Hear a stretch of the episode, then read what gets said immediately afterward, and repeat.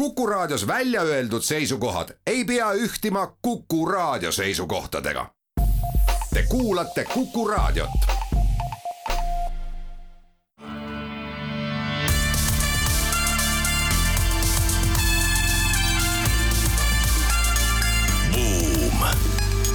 buumile annab hoogu SEB Pank tere päevast, on üheksas november kahe tuhande kahekümne teine aasta. oleme taas eetris Buumi saatega, saatejuhid Raivo Vare ja Anto Liivat. uudisteplokis arutleme kõigepealt selle üle, et maailma suurim elektroonikatootja Foxconn omandas veelgi suurema osaluse pickup elektriautode tootjas Lordstone kusjuures tegi seda selleks, et äh, osutada konkurentsi Teslale ei rohkem ega vähem ja rääkides Tesla omanikust Elon Muskist edasi, on meie uudisteplokis täna lausa uudis äh, selle kohta, et äh, lisaks nendele segadustele, mis tal seal Twitteri omandamisega seoses muudkui jätkuvad juba üheteistkümnendat päeva, lisaks sellele on tal ka probleeme tekkinud lausa Teslas, sellepärast et justiitsministeerium on hakanud selle vastu teatud põhjustel huvi tundma Adidas lasi lahti juhatuse esimehe, kes kuus aastat ettevõtet tüüris ja nüüd äh, asetab äh, kontserni etteotsa hoopistükkis Puma varasema tippjuhi Björn Kuldeni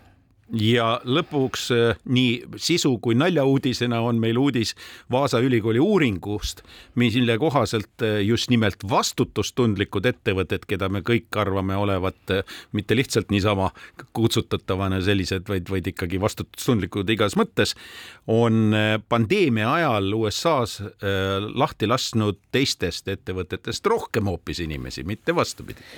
meie tänase saate läbiv teema on uued tööviisid ja vormid ning külaliseks Ave Laas, Targa Tööühingu ja robootikafestivali Robotex juht. Ave aitab meil ka uudiseid kommenteerida.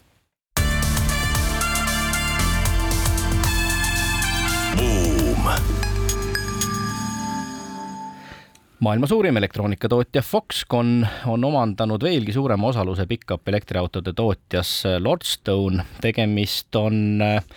ettevõttega, mis on hiljaaegu hakanud äh, ehitama siis äh, Endurance äh, nimelist mudelit General Motorsi tehases Ohio's ning Foxconn on pidamas tõenäoliselt plaani hakata otsast võtma ära Tesla käest turuosa esialgu just nimelt pickup mudelite vallas, aga kui äh, vaadata Foxconni juhtide väljaütlemisi, siis äh, me oleme näinud, et nad äh, ilma igasuguse valehäbita ütlevad, et juba aastaks kaks tuhat kakskümmend viis peaks olema nende turuosa maailma elektriautode turul vähemalt viis protsenti. aga ootame, nende elektriautod on siin ainult üks lahendusi strateegias, mis paistab neil olevat ja mida nad on tegelikult ka juba kuulutama asunud. Nad on ju nimelt otsustanud, et nad hakkavad tegelema lisaks nii, nagu nad sisenesid maailma suurima allhankijana praegu, eks ole, tehes Apple'it ja teisi nii tarbeelektroonikat elektroonika äh, nad nüüd tahavad siseneda elektriautode lukratiivsele kiiresti kasvavale turule ja teha sedasama. sellepärast, et nad on juba jõudnud sõlmida ka kokkuleppe BMW-ga BMW tehnoloogia põhi, vabandust, mitte kokkulepe ei ole BMW-ga, BMW tehnoloogia põhiselt ehitavad tehase, koostöötehase Saudi Araabiasse ja Saudi Araabiaga on sõlminud sellise vastava leppe. nii et tegelikult on tegu juba laiema teemaga. Ja nüüd, kui me veel meelde tuletame lisaks sellele, et BMW äsja kuulutas, et ta elektriautode, Mini Cooperi elektriautode haru viib ära Britistanist ja, ja, ja väidetavasti siis ei ole selge, kuhu arvatakse, et Hiinasse, aga ei pruugi veel ollagi.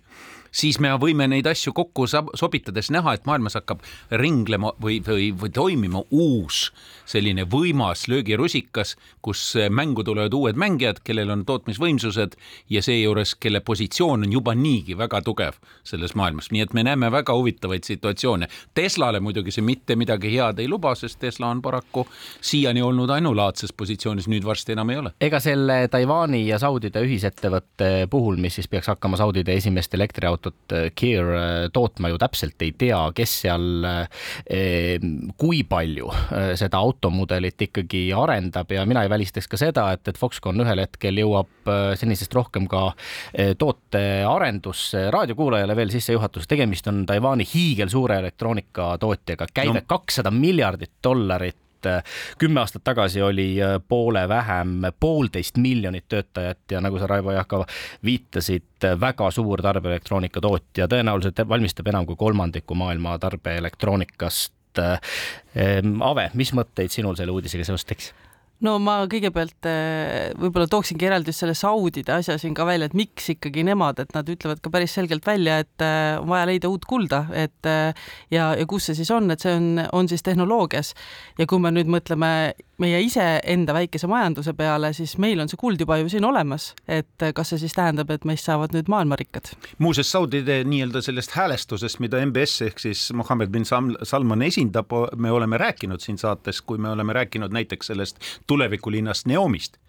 see on üks komponent sellises nii-öelda strateegias, mida saudid praegu arendavad tema eestvõttel, kus nad üritavad väljuda sõltuvusest nende pearikkuse allikast, milleks on olnud loomulikult nafta ja muutuda millekski muuks, vaadates natukene seda kogemust, mis on Dubail, kuid mitte piirdudes sellega, et Dubai pani rõhu põhiliselt teenustele, rahvusvahelistele teenustele, aga nüüd saudid tahavad rõhu panna uuetele tehnoloogiatele. kusjuures Foxconni enda tootearendustorus on olemas ka elektriautode mudelid, Äh, kui teile juhtumisi silma ei hakanud, siis nende mudelite nimed on äh, väga sarnased äh, Tesla mudelitele, täpsemalt mudel E, e ja mudel C. noh, Teslal teadupärast siis, eks ole, mudel, mudel S ja, ja X ja, ja Y, nii et selgelt Teslale siin püütakse kanna peale astuda. aga mitte ainult kanna peale, sellepärast et tegelikult on Fox, Foxconni esimees öelnud et tegelikult on neil seal kuskil kuklas ka plaan, et nad hakkavad pakkuma oma koostööteenust ja, ja, ja allhanget sisuliselt ka Teslale, sõna otseses mõttes nimetades seda ära, sest nad on ju seda juba Apple'iga teinud, see on ju hea näide no Apple on äh, hästi oluline Foxconni jaoks äh, tänasel äh, päeval, sest on peamine iPhone'i tootja ja peaks seitsekümmend protsenti kõigist iPhone idest umbes tootma ja, ja Apple annab neile nelikümmend viis protsenti käibest et äh, aga mulle tundub, et see Foxconn läheb natuke nii-öelda Samsungi teed, mäletate, Samsung seitsmekümnendatel tootis Sanyo kaubamärgi all odavaid telereid, seejärel hakkas tuntud Ühendriikide ettevõtetele oma kaubamärgi all äh, telereid tootma, üheksakümnendatel panustas kõvasti teadus-arendustegevusse, seejärel brändingusse ja kasvas nii. ma ei välistaks üldse, et, et me kümne aasta pärast teame Foxconni sama hästi kui Samsungi. kusjuures äh, tuletage meelde, et tegelikult on ju taga ka turgudel toimuvad struktuursed muutused, sellepärast et mobiilseadmed seadmete turul toimub äh, mõned, ma ei ütle, et stagneerumine, aga ütleme siis kasvutempode oluline langus. ja samal ajal kõik ettevõtted seesama Samsungi näide olgu siin toodud äh, aluseks, püüavad väärtusahelas kõrgemale ja nüüd ongi täpselt see koht, kus, kus üks vana hea turg, kus juba ollakse tugevas positsioonis, hakkab nii-öelda natukene nagu pidurduma ja sel ajal tuleb teine võimas turg, tõepoolest väga kiiresti mahtudes kasvav elektriautode turg kõrvale ja väärtusahelas on see ka järgmine samm. noh, olgem ausad, ka kõige kallimad mobiilid ei ole võrreldavad ka kõige odavamate elektriautodega, ehk siis tegelikult ongi täiesti loogiline. kuulame nüüd ära kaubanduslikud teadaanded ning seejärel jätkame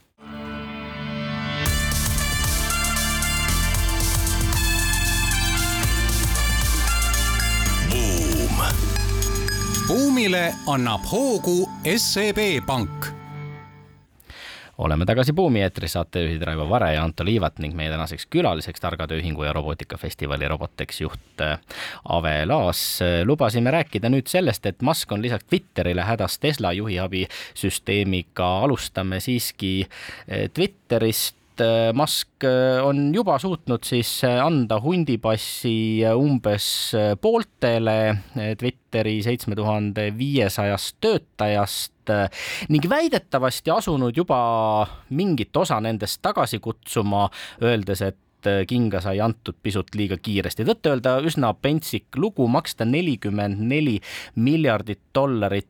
ja siis lasta kohe pooled töötajatest lahti. mis pilguga sa, Ave, läbi targa töö ja töökorralduse prisma Twitteri arengutele vaatad?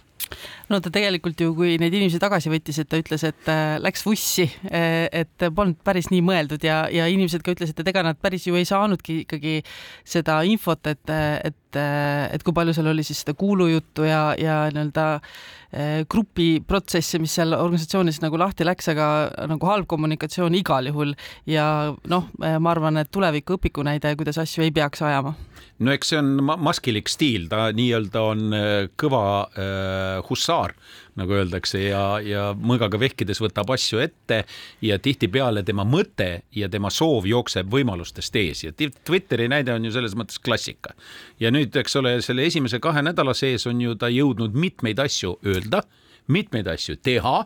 teha seda andetult, no näiteks seesama teavitamine, töötajaskonna teavitamine, pooled lastakse lahti ja nendest lahti lastavatest pooled, kes pidid saama selle kohta teabe, ei saa mitte, mitte koma kohta ka mitte teada. ja loomulikult, mis siis juhtub, siis hakkavad äh, ringlema igasugused kuulujutud, see tekitab täiesti ebanormaalse olukorra. kõigel lisaks muuseas,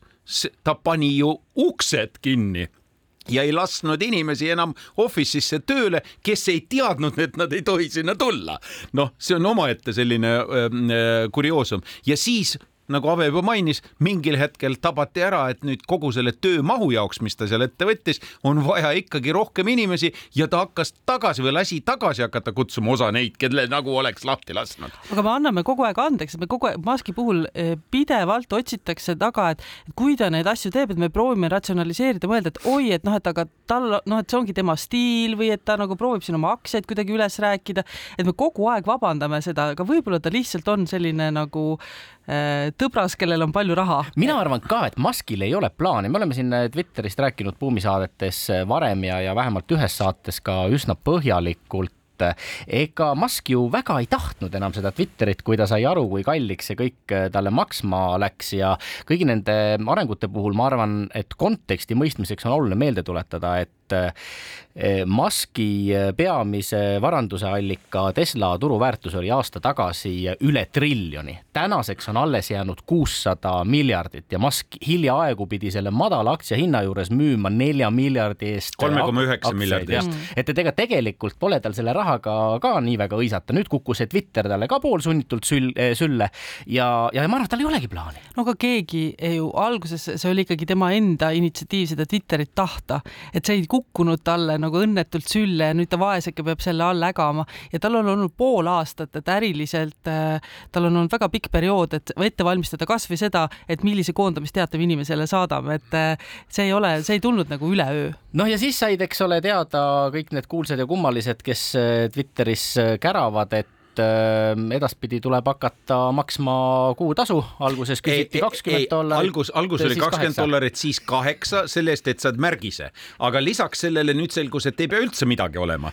võib ka ilma selleta kõigeta olla ja, ja tegelikult see katse nii-öelda leida seda äriideed Musk'i poolt oli ju tegelikult väga läbinähtav. see on siis subscription fee või siis nii-öelda ennast nii-öelda kuuluvuse äh, äh, maksu kaudu parandada seda Twitteri väga keerulist majanduslikku olukorda, sest seal on miinus üks koma kaks miljardit. no aga kui maksma peab, siis ma küsin, et on see siis sõnavabaduse või oligarhia platvorm? no see, ja tahtsin just öelda, et see on ikkagi eh, eliitidele ju mõeldud, et ma saan osta endale positsiooni, et nad, see, mida nad ju ostavad, on, ma ostan justkui omale usaldusväärsust, et ma saan omale märgi külge. mitte ainult usaldusväärsust, vaid ka esitlustihedust ja. ja ulatust, mis on ju tegelikult reklaami analoog, võib öelda ja lihtsalt, kui sul on see linnuke seal, siis sa saad palju rohkem ennast eksponeerida või sind nii-öelda algoritm eksponeerib ja see tähendab rohkem ka jälgitakse ja nii edasi, nii et see on isevõimenduv protsess, see on täiesti loogiline. küll aga tuli tagasilöök hoopis teisest kohast, mida ei osanud Musk ju arvata. see on poliitikast selgelt ta ei jaga poliitikat, alles tal oli see fopaa, mis oli seotud Putini punktide esitamisega ja Starlingi ja Ukraina ümber toimunuga no,, millest me ka põgusalt rääkisime. USA sisevalimistega samamoodi tegi ja. Eh, väljaütlemisi, mida siiani ükski ärijuht ei ole kunagi julgenud teha. nii et see oli nagu üks selline näide ja nüüd ta tegelikult eh, avastas, et reklaamiandjad tõmbasid järsku ennast tagasi ja massiliselt ja väga suured, Procter Gamble'id kõik olid reas, kes kõik tõmbasid ennast järsult välja välja, õigemini nad ei tõmmanud päris välja, nad tõmbasid otsad lahti, peatasid oma nii-öelda reklaamimistegevuse, aga see on ju põhisissetulek. ja põhjus oli poliitiline, sest ei tahtnud ennast siduda sellega, et mingil hetkel tulevad tagasi, nagu Musk lubas, poliitilistel kaalutlustel, tulevad Twitterisse tagasi mm. inimesed, kes, keda reklaamiandjad oma renomee tõttu ei taha oma reklaamide kõrval näha ja, ja Musk ei tabanud seda ära. Ja nüüd praegu tormavad mööda maailma ringi äh, Muski ähm, äh, tiimi liikmed, kes püüavad siis nüüd neid äh, reklaamiandjaid tagasi rääkida, et ei, ei, me nii ei tee. Ja Musk ise ka ütles, et seda, mida ta alguses lubas, et kõik, kes tahavad, võivad Twitterisse tulla, seda ikka, ikka ei tule, tehakse Facebooki moodi nõukogud, kes seda asja arutavad, jumal teab, mida veel seal kõik, eks ole, mis, mis tähendab seda, et jällegi Avel on õigus, ei mõelnud lõpuni läbi seda. ja oleks siis nii, et Twitter oleks Muski ainus häda, ei ole. lisaks on Ühendriikide võimud algatanud kriminaaluurimise seoses Tesla autopiloodi äh, süsteemiga, mis olemuslikult tegelikult ei ole isejuhtiva auto tarkvara või lahendus, vaid tegelikult juhiabisüsteem, aga ometigi äh, erinevalt siis sellest, mida äh, Tesla nii-öelda kasutusmanuaalid ütlevad, käib ja räägib Musk, et et eh, noh, ega juhil polegi vaja seal rooli taga enam mitte midagi teha ja kui ühes eh, täiskasvanutele mõeldud keskkonnas avaldati siis videoülevaade sellest, kuidas eh, juht õrnusi vahetas oma armastatuga, olles ise rooli taga, siis selle peale Musk teatas, et suurepärane, suurepärane, see näitab, et meie juhiabisüsteem on tasemel ja, ja juhtidel on võimalik tegeleda juhtime autoga sõites ka meeldivamate asjadega. ei, mitte niimoodi, ka sellega, mille, mida me ei kujutanud ette, et võib teha teha. Jah, aga noh, häda on nüüd äh, selles äh, ja, ja kohtuvaidlusi hakatakse pidama selle üle, kas äh, Musk tohib rääkida juhi abisüsteemist kui millestki, mis pigem iseloomustab isejuhtiva auto tarkvara. ja, ja loomulikult, kui kindel on selle töökindluspõhimõtted ehk siis tegelikult valereklaam sisuliselt on see üks süüdistuspunkti ja teine on siis selle tehnoloogia enda nii-öelda vettpidavus ja vastavus äh, parameetritel, mis on välja öeldud, mis siis, et manuaalid on kõik äh, jokk selles mõttes juriidiliselt korrektsed, seal on veel eripära sellega seoses, et noh, et ei valetata nii-öelda äh, puhtformaalselt, aga propagandas või, või reklaamis, ütleme siis niimoodi, räägitakse juttu, mis ei vasta tõele. Ja sellest nüüd on hakanud võrsuma. pealekauba on olnud ju mitmeid õnnetusi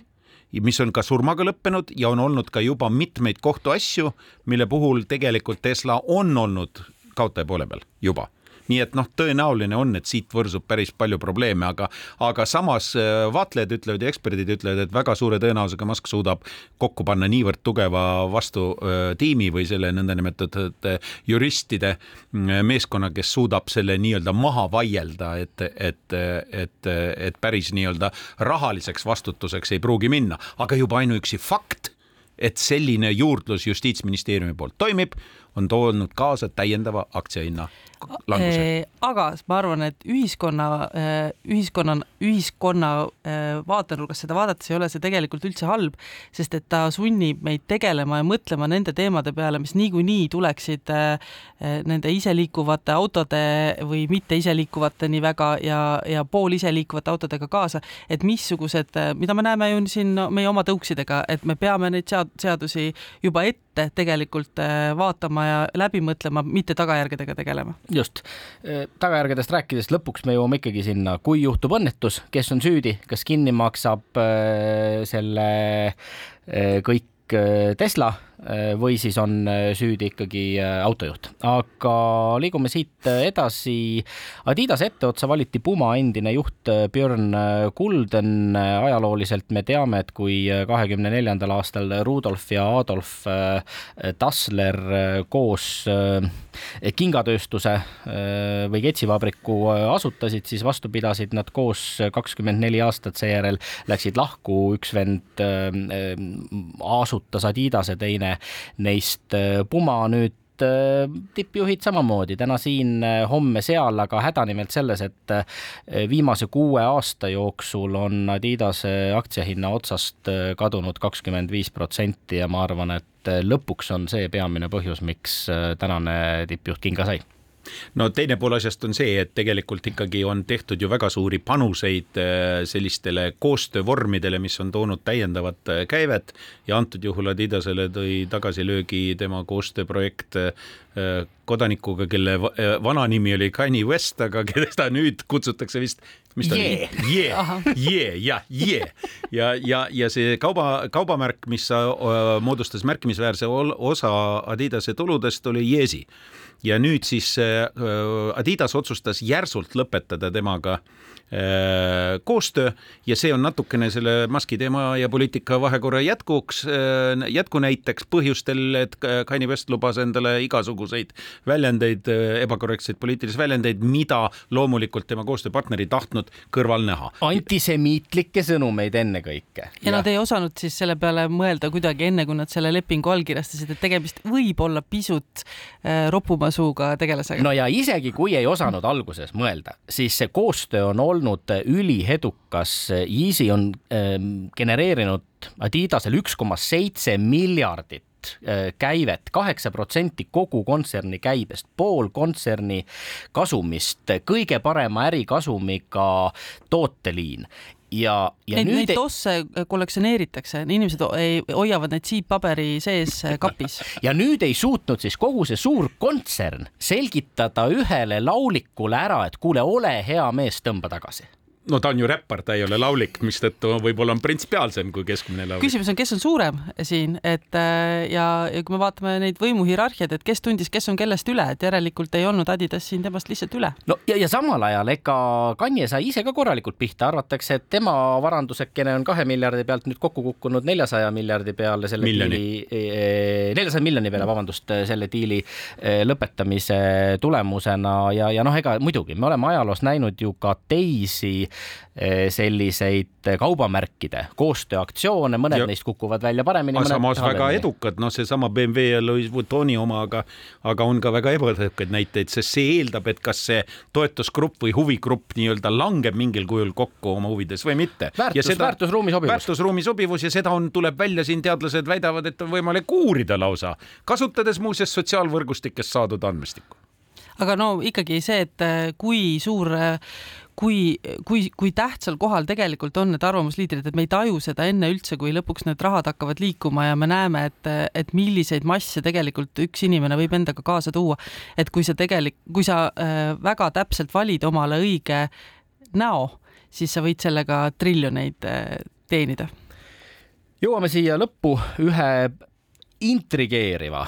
uudise veel rääkida. Vaasa ülikooli äh, värskelt kaitstud doktoritööst selgub, et Ameerika Ühendriikides äh,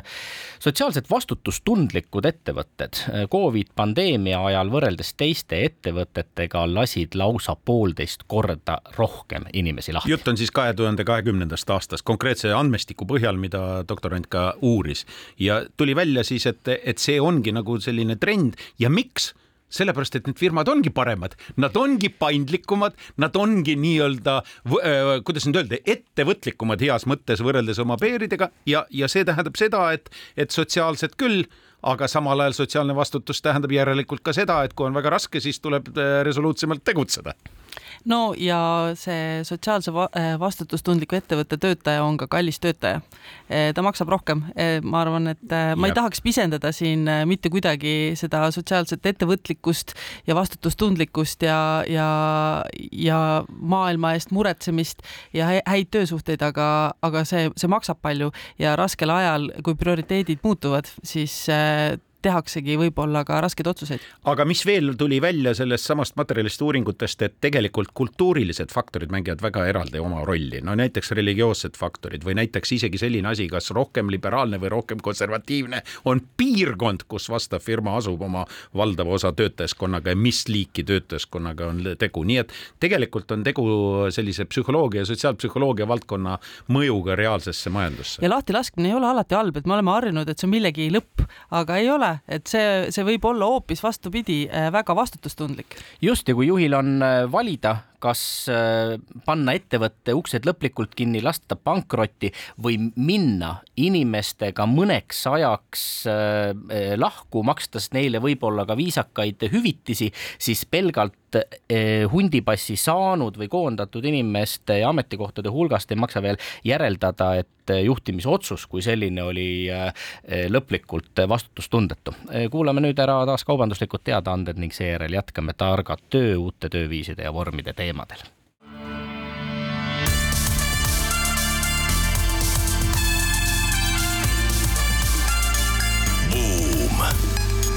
buumile annab hoogu SEB Pank.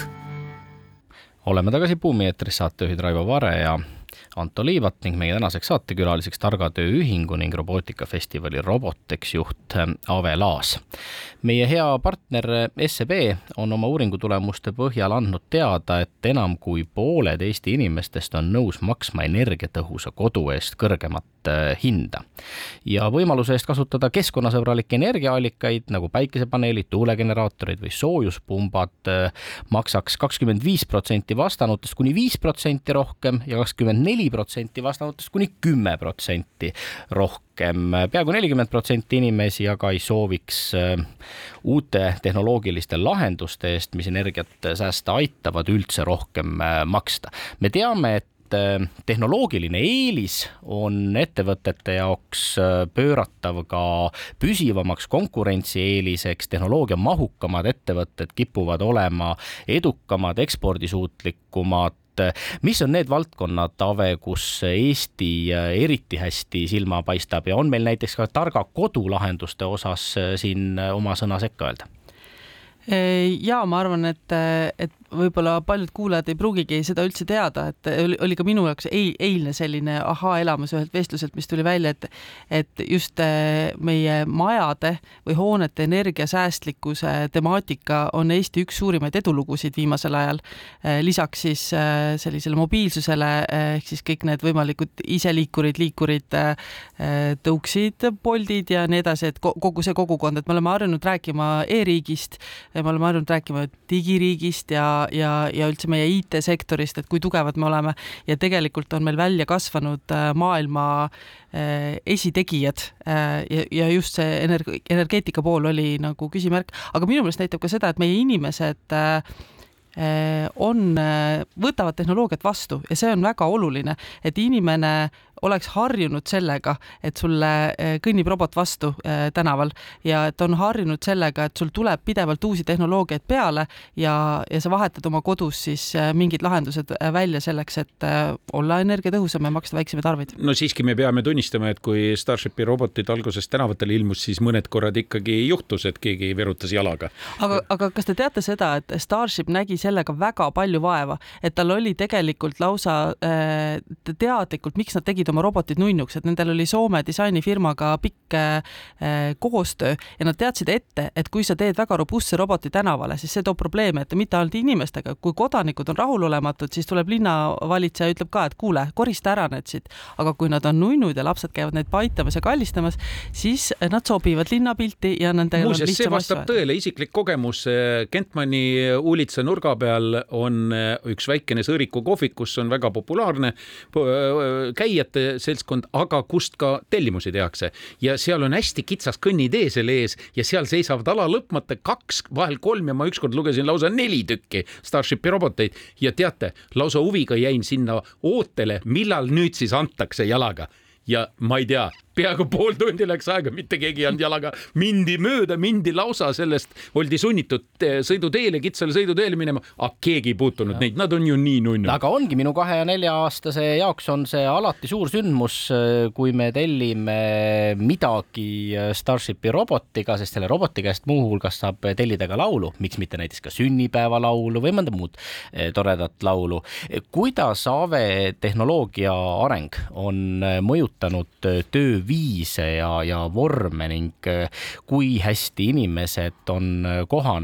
kohanenud viimastel aastatel siin ka kaugtööga. ja kas pandeemia on siin mingit rolli mänginud, sest ma olen kuulnud väiteid, et pandeemia kiirendas niigi juba alanud trendiga protsesse, aga lihtsalt pandeemia andis väga kiire tõuke, nagu sõda annab paljudele majandusnähtustele samuti tõuke. sõda ka andis tõuke jah, ja e, kõigepealt vastuseks tehnoloogia arengule, siis ma arvan, et see ongi olnud kõige alus, et me ei räägiks kaugtöötamisest või distantsilt töötamisest ilma tehnoloogiata, see ei oleks mõeldavgi, me ei noh, kõik, mis me räägime distantsilt või üldse paindlikust aja või koha paindlikkusest töötamises, see on seotud kuidagimoodi tehnoloogiaga. aga nüüd siis see, see teine küsimus, et kuidas pandeemia on mõjutanud, siis ma pean ütlema, et mulle endale tundub, et kõik need senised tarkused, mis meil kaugtöötamise osas olid, on tänaseks täiesti pea peale keeratud. et, et, et kui tullakse mulle rääkima sellest, kuidas kaugtöötamine on osa motivatsioonipaketist ja see on tööõnne alus, millest siiamaani on kogu aeg räägitud, siis jah ta on nagu absoluutselt endiselt on tööõnne alus, aga äh, ta ei ole enam kindlasti osa motivatsioonipaketist, vaid see on täpselt sama oluline kui äh, miinimumpalk, mille sa pead välja maksma. sa pead võimaldama kontoritöötajale täna ka distantsilt töötamist, sest et mitte ainult sellepärast, et ta tahab seda, vaid su enda äril on ka seda ühel hetkel jälle vaja, sest et äh, sa pead kütte maha keerama näiteks, mis on tänane teema. et see, see on nagu see, see põhimuutus, et meil on tekkinud selline mõiste nagu sundkaugtöö, et on hetki ja olukordi, kus inimene ei pruugi tahta minna sinna eh, kodukontorisse. Eh, tööinspektsiooniga läksin selles mõttes mõnevõrra kas just vaidlema, aga ta ütles, et see ei ole võimalik, sest et eh, noh, kaugtöötamine peab olema alati kahepoolne kokkulepe, et see sundi kui sellist ei tohi seal vahel olla. ja seal on ju juriidilise vastutuse probleemid vahel, ehk siis töökohal juhtuva puhul, kes vastutab. sada protsenti meie tööandja koht, ja see juriidiliselt see ongi keeruline, et kõik asjad, ka, ka sinu vaimne heaolu seal töö ajal on sada protsenti tööandja vastutuses ja, ja täna olukorras, kus sa pead, kui sul ütleb peaminister, et ole nii kena, kui sa vähegi saad, saada koju oma töötajad. Ja siis sa saadad ja inimene ütleb ka, et olgu, ma olen korralik kodanik, ma saan hakkama, aga see ei tähenda seda, et ta teeb seda väga nagu eh, heal meelel alati, et eh, ja, ja see põletab inimesi ja, ja nüüd tuleb see vastutuse koht, et, et kes siis vastutab, et üks asi, mida veel kaugtöötamine väga palju soodustab, on töötamine mitme töökoha peal tööampsud, äh, platvormitöö, äh, noh, freelancer'id, et äh, ja siis tekib see küsimus, et aga kui mul, kui ma nüüd põlesingi läbi või kui mul nüüd hakkas selg valutama või, või vajan prille, et siis millise tööandja juurde ma lähen, minul isiklikult on umbes neli tööandjat. Ja ma tegelikult noh, eks ma siis teen ise selle otsuse, on ju, et kelle juurde ma mis murega parasjagu lähen, aga et, et, et kes siis tegelikult nagu seda peaks, selle vastutuse peaks võtma.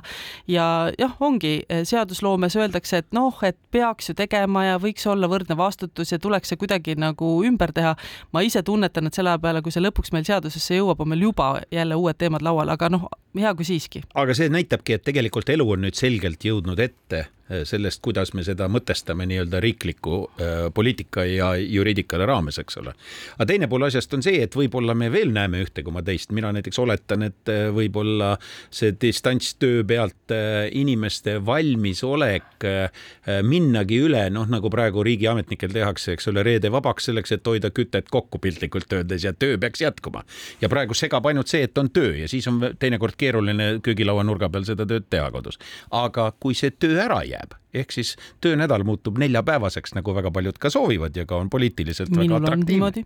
no vot, et kas siis ei teki selline olukord, kus me nii-öelda kiirendatud marsil liigumegi neljapäevase töönädala poole? Muidugi liigume, me liigume eh, kas siis neljanädalase, kuuetunnise, eh, ühel päeval keegi ütles, et tal on seitsmepäevane, ma jäin kohe täitsa mõtlema, et mis töönädal nüüd siis see on, aga, aga tegelikult tähendab see seda, et meie töövormid, meie töölepingu vormid muutuvad eh, väga kiirelt. praegusel hetkel me teeme seda selle seaduse raames, mis meil on nagu ette antud, et me proovime neid sinna erinevate käsundustöövõtu ja töölepingute vahele ja teenuslepingute vahele ära nagu noh, paigutada. Eh, mõnikord see lõpuks jõuab sinna sellesse samasse eh, teenuslepingusse ehk siis OÜ-tamisse, siis me saame kohe riigi käest vastu näppe, et nii ikkagi ei tohi teha, et see on maksude optimeerimine. aga tegelikult nagu, kui me vaatame, et mis, eh, kuhu poole see töömaailm liigub, siis võiks ikkagi süsteemselt nüüd sellega tegeleda küll riik ka et, et mitte ja, ja vaadata ka, mida teised riigid on siin teinud või ei ole, et, et siin näiteks Portugal on peale Covidit vaadanud oma, oma töölepingu seaduse üle ja teinud seal teatavaid muudatusi, et noh, et, et, et noh, on aeg ja tegelikult me räägime Covidist juba mitu aastat hiljem, et see aeg on läinud kiirelt, aga mit, mitu aastat on pikk aeg. kuulame nüüd ära kaubanduslikud teadaanded ning seejärel jätkame.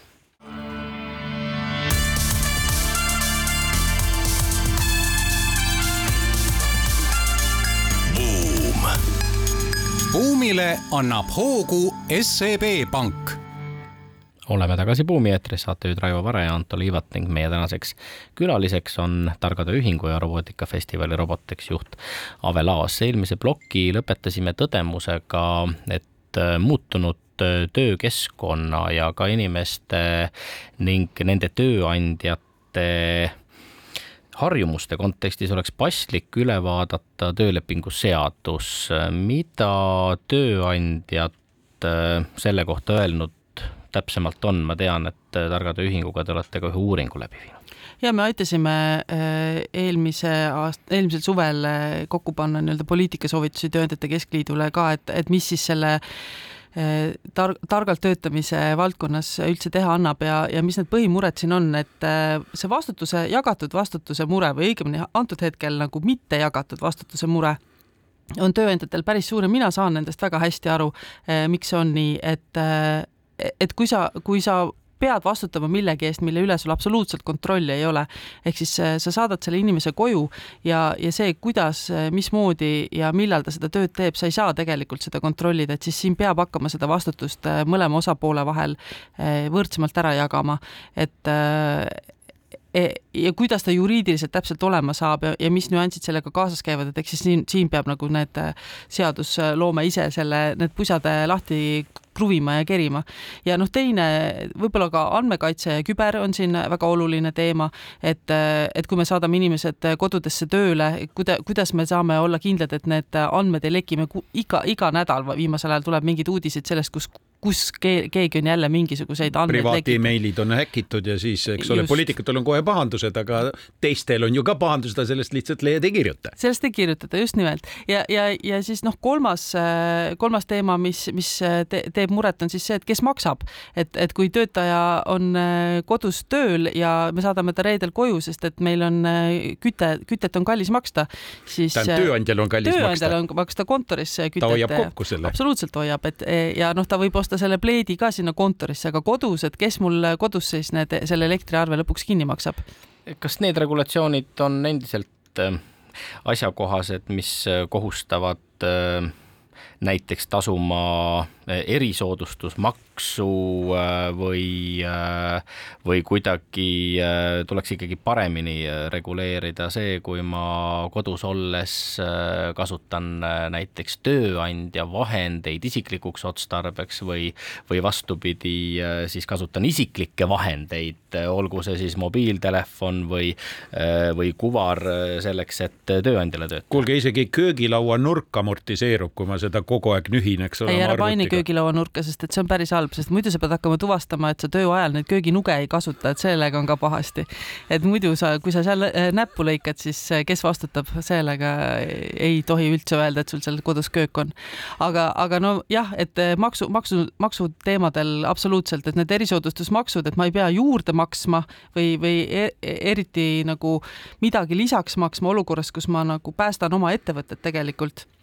mitte ei tee midagi nagu ekstra ja ägedat ja see ongi seesama, mis on seotud sellega, et see ei ole enam ammu motivatsioonipakett, vaid see on see, kuidas me tööd teeme. ja, ja noh, teine pool on siis see, et, et kuidas ma üldse saaksin kõige lihtsamalt selle ära maksta, et ma ei pea hakkama tegema mingisuguseid kalkulatsioone, et, et sinu kohvipakist, et kas see veerand nüüd läks sul töö ajal või läks see nagu sul äh, siis, kui sul käisid sõbrannad külas. et noh, mis, millal sa siis äh,, millal sa seda kohvi jõid ja palju ma selle eest siis sulle nüüd nagu maksan, onju. ehk siis tegelikult on seadusandlus selgelt jäänud praegu maha elunõuetest ja väga kõvasti jäänud maha. Ja seda tunnetavad nii töövõtjad kui tööandjad. Nüüd oleks aeg, et riik ka midagi tunnetaks. kas me mäletame, millal see praegune töölepingu seadus kirjutati, see oli mingi kaks tuhat midagi, sellest on juba paarkümmend aastat möödas. Ja kui me mõtleme, et kui palju see maailm tegelikult selle vahe, vahepealsel ajal on muutunud, meie töömaailm, eh, tulles tagasi ka selle tehnoloogia juurde, mis meid on nii palju siin abistanud, siis noh, on ilmselge, et on ajale jalgu jäänud. noh, kindlasti äh on ettevõtjad mõelnud palju ka selle peale, kuidas äh, kontoriruume ümber kujundada, kui palju püsivaid töökohti üldse vaja on, kui palju peaks olema roteeruvalt kasutatavaid töökohti. millised on sellised paremad, võib-olla ka huvitavamad, märkimisväärsemad praktikad, mis sulle Eesti ettevõtetest, organisatsioonidest silma jäänud on, mida viimastel aastatel on äh, hästi tehtud? ja mul oli just hiljuti võimalik viimased kaks nädalat kuulata Eesti kõige ägedamate töötajate sõbra, töötajate töötajasõbralike ettevõtete nii-öelda presentatsioone ja hinnata, et, et kuidas neil on läinud. ja ma ütlen, et meil on noh, seal selle, selles Sotsiaalministeeriumi programmis antakse kuld, hõbe, pronks medaleid välja ettevõtetele. mina ütleks, et meil on ka päris mitmeid teemantettevõtteid siin olemas, kes, kes teevad väga ägedat tööd oma töötajatega, suured ettevõtted, kes väga süsteemselt näevad vaeva sellega, et inimesed oleksid maksimaalselt võimestatud, et, et nendel oleks seal hea olla ja nad on aru saanud sellest, et kui inimesel on siin hea olla, siis see raha tuleb kõvasti sisse. ja, ja see, see, see on tegelikult seesama vastutustundlik ettevõtlus, kes justkui siin kõvasti koondas USA-s, aga, aga tegelikult äh, see on ärilises mõttes ülimalt, äh, ülimalt soodne. no millised asjad praktiliselt võiksid tulla kõne alla selles kontekstis? no praktiliselt see tähendabki seda, et need ettevõtted, need teemad, ettevõtted eh, ei mõtle enam lihtsalt sellele, et ma, kas ma pakun talle nelja tööpäeva nädalas või, või millal ta tohib koju minna või mitte, et need teemad on ammu nagu laualt maas. Eh, ja, ja paindlikud töölepingud on ka ammu laualt maas, et nemad täna räägivadki eh, siis sellest samast inimese võimestamisest ja, ja pakuvad juurde erinevaid selliseid lahendusi, nõustamisi, psühholooge, coach'e, et selle selle inimese ümber ehitatakse tegelikult nagu see korralik tugivõrgustik, et teda, et teda püsti hoida ja et ta, tema, et ta annaks alati nagu maksimumi mm -hmm. ja oleks sealjuures õnnelik miks see oluline on, et töötaja õnnelik on? sest et muidu ta põleb läbi ja siis äh, sa viskad selle sidruni lihtsalt minema. Või on seal niimoodi, et suhteliselt olulisem on see kognitiivset laadi valdavalt kognitiivset laadi tööd tegevate inimeste puhul, kui inimene teeb äh, lihtsamat äh, töösooritust, siis pole nii. see töökeskkond ja heaolu nii olulised. ei ole nii ja seda täpselt need teemad ettevõtted ka näitavad, et just nimelt need eesliini ja liini äh, töötajad, vot need on need, kellega peab ka väga palju tööd tegema, mitte juhtidega, vahejuhtidega, vaid ja just see, mida madalamal sa lähed, seda olulisem see on no minul on äh, isiklikust elust ka üks selline äh, näide kõrvaltnähtuna, kus inimene, kes äh, üks päev nädalas täitsa ametlikult firma poolt nii-öelda on ette nähtud, töötab kodus,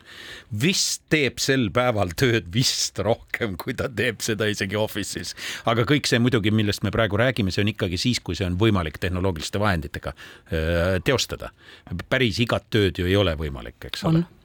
absoluutselt on, aga seda ju Covid näitaski, absoluutselt kõiki töid saad sa viia nagu äh, koju ära või teha paindlikult, ärme siis ütle, et sa saad seda koju viia. sa saad leida selle paindlikkuse sinna töösse. kui sul on see vabrik, siis sa saad ka seal tekitada äh, sellise töötamise võimaluse, et see inimene ise valib, millal, kuidas ja kellega ta tööd teeb. see on võimalik jah, noh ja isegi ega ka kirurgi tööst sada protsenti ei ole ju operatsioonilaua taga tehtav töö, ka nemad järjest suurema hulga oma tööd saavad teha kodust, vaadata röntgenpilte, sisestada andmeid, tutvuda nendega,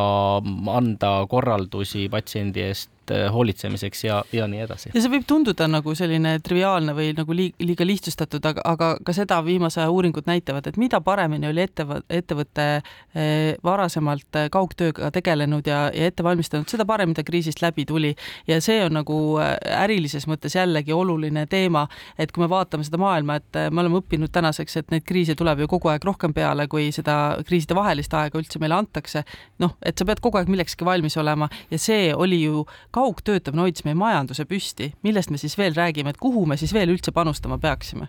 suur,? suur-suur tänu, Targa Töö Ühingu juhataja Ave Laas meile saatekülaliseks tulemast ja uute töövormide ning viisidega seonduvat äh, avamast. võtame sellest Buumi saatest äh, eelkõige kaasa tõdemuse, et et äh, Eesti tööõigus ja regulatsioonid on ajale tõsiselt jalgu jäänud ja kutsume poliitikakujundajaid üles nende teemadega usinamalt tegelema, no hiljemalt siis, kui valimiskampaania aeg mööda saab. meie aga oleme Buumi saatega eetris juba täpselt nädala pärast siis uued külalised ja uued teemad, seniks aga kuulmiseni